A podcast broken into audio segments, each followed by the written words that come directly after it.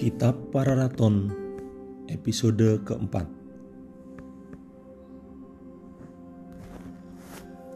Ken Angrok pergi dari Kabalon ke Turian Tapada ke kepala desa Bapa.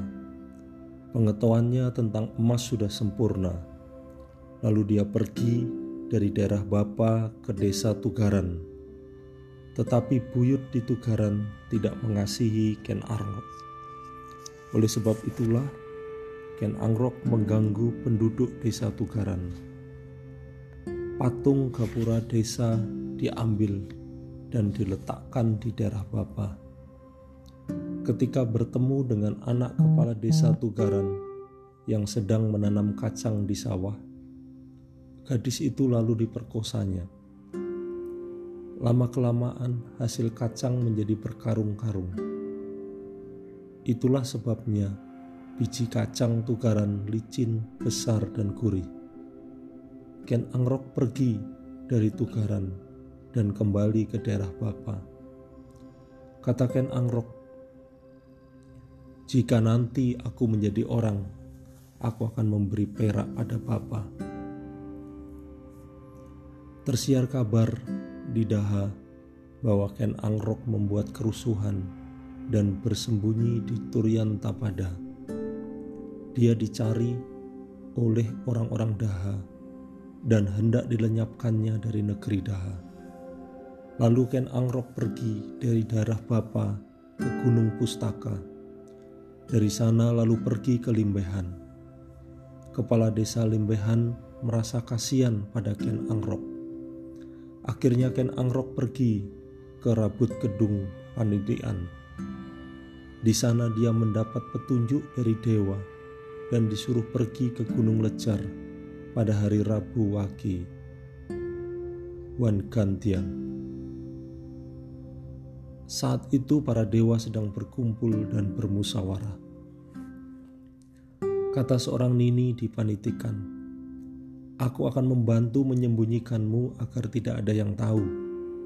Aku akan menyapu di gunung lejar ketika para dewa sedang berkumpul. Demikian kata seorang nini dipanitikan. Pada hari Rabu Wage Warikadian, Ken Angrok datang ke Gunung Lejar ke tempat musyawarah. Dia bersembunyi di tempat sampah, ditimbun rerumputan oleh Nini dipanitikan. Kemudian terdengarlah tujuh suara, yaitu guntur, petir, gempa, guruh, kilat, badai, dan hujan salah musim. Kilat tiada henti. Terdengar pula suara yang tiada henti dan bergemuruh. Para dewa membicarakan siapa yang akan menguasai tanah Jawa. Seluruh dewa menyatakan pendapat masing-masing. Siapa yang sebaiknya menjadi raja di tanah Jawa? Demikian pertanyaan seluruh para dewa. Dewa guru menjawab, Ketahuilah para dewa, adalah anakku, seorang manusia yang lahir dari orang pangkur. Dialah nanti yang akan menguasai tanah Jawa. Pada saat itu, Ken Angrok keluar dari tempat sampah dan terlihat oleh seluruh dewa. Para dewa merestui dia yang menjadi titisan Batara Guru. Setelah merestui, para dewa bersorak bergemuruh. Kemudian Ken Angrok diberi petunjuk agar mengaku ayah kepada seorang Brahmana bernama Dahyang Logawi. Seorang Brahmana yang datang dari Jambu Dwipa dan disuruh bertemu di Taloka. Demikianlah asal mulanya terdapat seorang Brahmana di Timur Kawi. Ketika datang ke Jawa, ia tidak menggunakan perahu, tetapi naik tiga lembar daun katatang. Setibanya di desa Taloka, Dahyang Logawe berkeliling mencari Ken Angrok. Dahyang Logawe berkata, ada seorang anak yang panjang tangannya melebihi lutut. Telapak tangan kanannya bergambar cakra dan telapak tangan kirinya bergambar sangka. Namanya Ken Angrok. dia terlihat dalam samadiku sebagai penjelmaan Batara Wisnu. Katanya ketika aku masih di Jambu Dwipa, Hei Dayang Logawe, akhiri samadiku pada Arca Wisnu, sebab aku sudah tidak di sini. Aku menjelma menjadi manusia di Jawa, dan ketahuilah olehmu bahwa namaku Angrok. Carilah aku di tempat perjudian Lalu sang Brahmana bertemu Ken Angrok di perjudian. Setelah diamati, benarlah seperti terlihat dalam samedi Dahyang Lokawi. Kata Dayang Lokawi, benarkah kamu yang bernama Ken Angrok?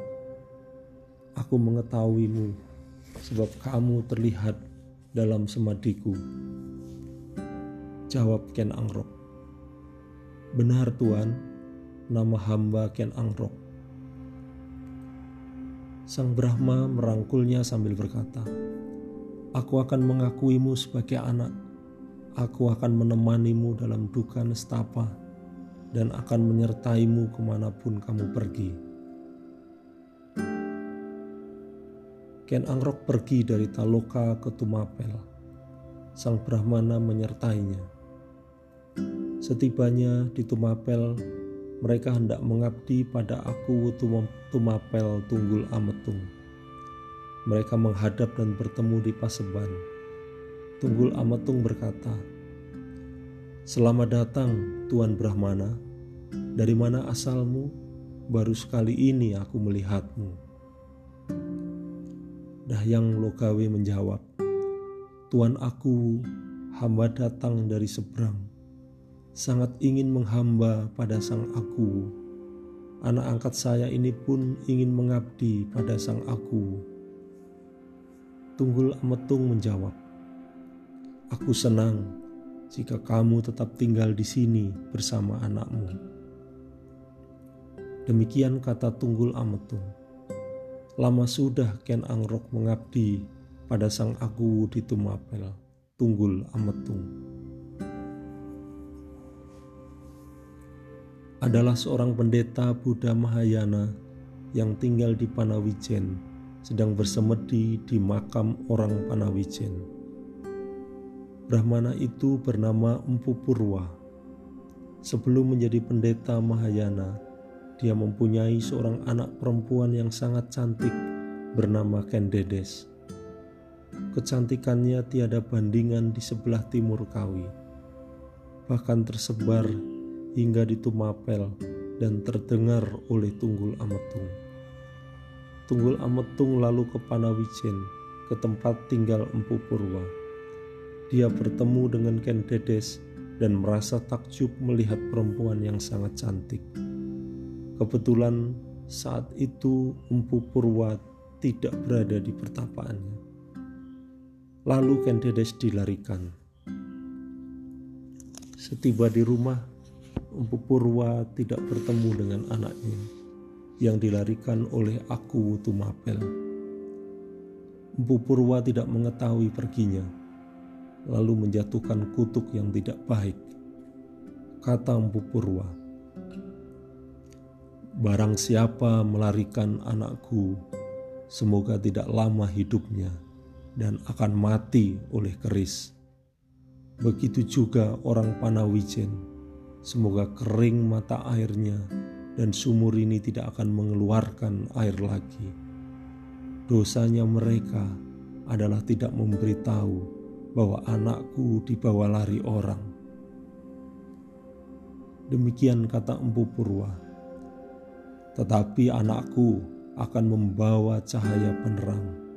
Semoga dia menemukan kehidupan yang mulia serta mendapat kebahagiaan Demikianlah kutuk Mahayana di Panawijen.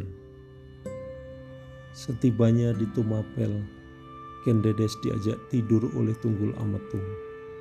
Tunggul Ametung sangat menyayanginya. Kendedes kemudian hamil sehingga Tunggul Ametung sangat senang. Mereka bercengkrama di Taman Boboji. Kendedes naik kereta.